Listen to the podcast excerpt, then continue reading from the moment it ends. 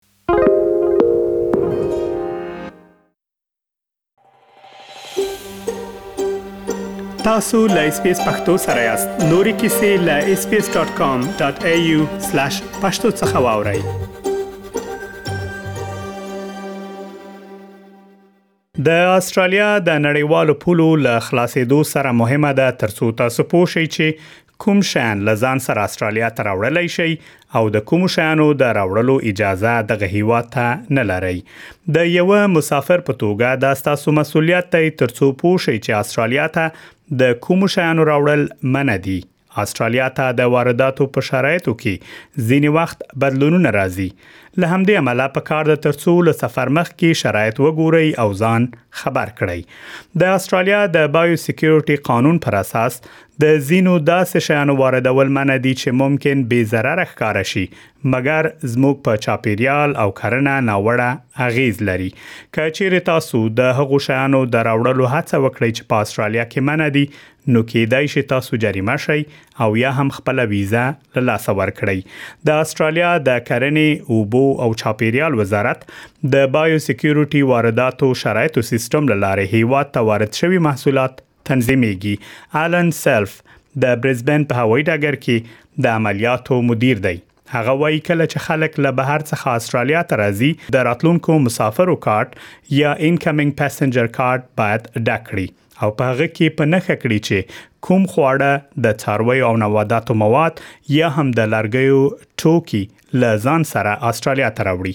په هوایی ټګر کې د بایوسکیورټي افسر ګوري چې آیا یاد شخص کولای شي راوړل شوی شیان له ځان سره بهر وباسي او که نه ښاغلی سلف وایي استرالیا ته د ډیریو شیانو د راوړلو اجازه شته مګر هغه څه چې د زیان رسونکو آفتونو او ناروغیو د پیژندلو خطر لري د هغو راوړل منع دي هغه وایي چې تازه میوې کولای شي ژوندي حشرات یا د نباتاتو ناروغۍ راوړي چې دلته نشته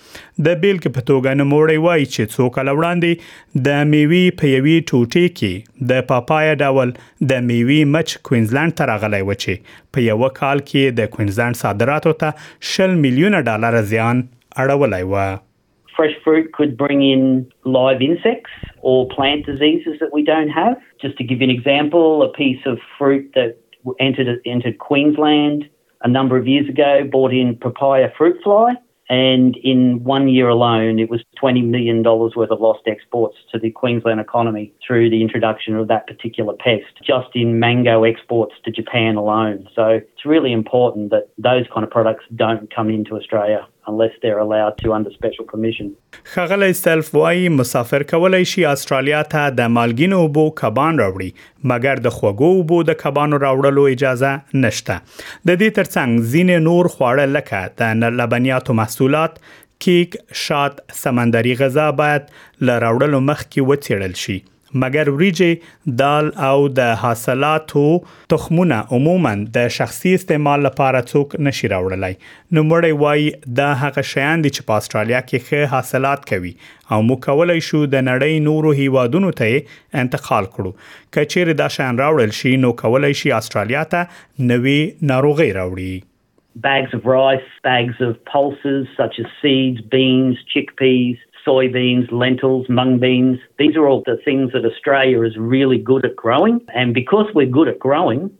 we're able to export our surplus stocks to the rest of the world. We're making money for the country. And so if you bring these commodities in from overseas, they could very well have new diseases So uh, crop seeds, also such as wheat, barley, raw peanuts, they also fit into that same category. د کښت د تخمونو په اړه ښاغلی سلف وايي چې د ځینو تخمونو د راوړلو اجازه شاید واوسېږي، له همدې امله پکار ده تر څو لست وکتل شي او ډاډ ترلاسه شي چې ستاسو د خوښې د تخم د راوړلو اجازه شته او همداراز باید خبر ورکړل شي چې تاسو یې استرالیا ته راوړئ. Seeds for sowing must be declared as they may be permitted, but we need to check our database to make sure that that particular species of seed is permissible or allowed to come into the country. And also, any seeds that anyone wants to bring in, they must be commercially packaged and must have the correct botanical name on the packaging so that we can check to make sure that particular species is permitted. که چیرې څوک استرالیا ته دغه شیان راوړي او په فورمې کې نه لیکي چې له ځان سره یې راوړي دي نو دا کار جریمه لري خغلی سلف وایي چې د کوچنیو سرغړونو لپاره جریمه له 344 ډالرو څخه ده د لرګیو د شیانو او تازه هګیو راوړل 344 ډالره جریمه لري نوموړی زیاتوي چې که چیرې څوک تازه میوه راوړي او په فورمې کې اظهار نه کړي نو 1422 ډالره جریمه لري له دې پورته جریمه 2600 ډالره جریمه ده که چیرې څوک غوښه راوړي او حکومت ته خبر ورنکړي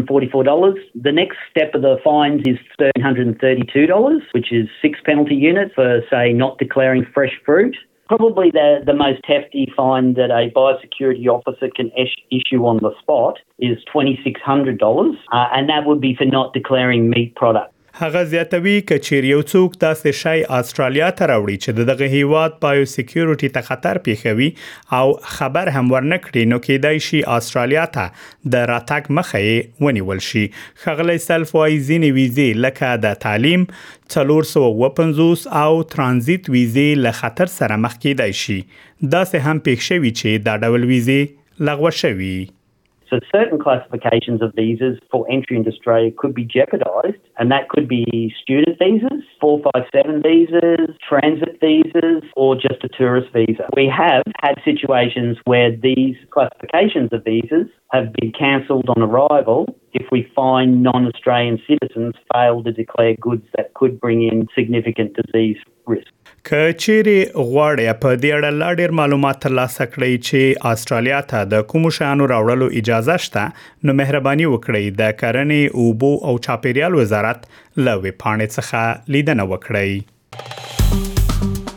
اس پی اس پختو په فیسبوک کې تا کې پلی مطلب یو فاک کړئ نظر ور کړئ او له نورو سره شریک کړئ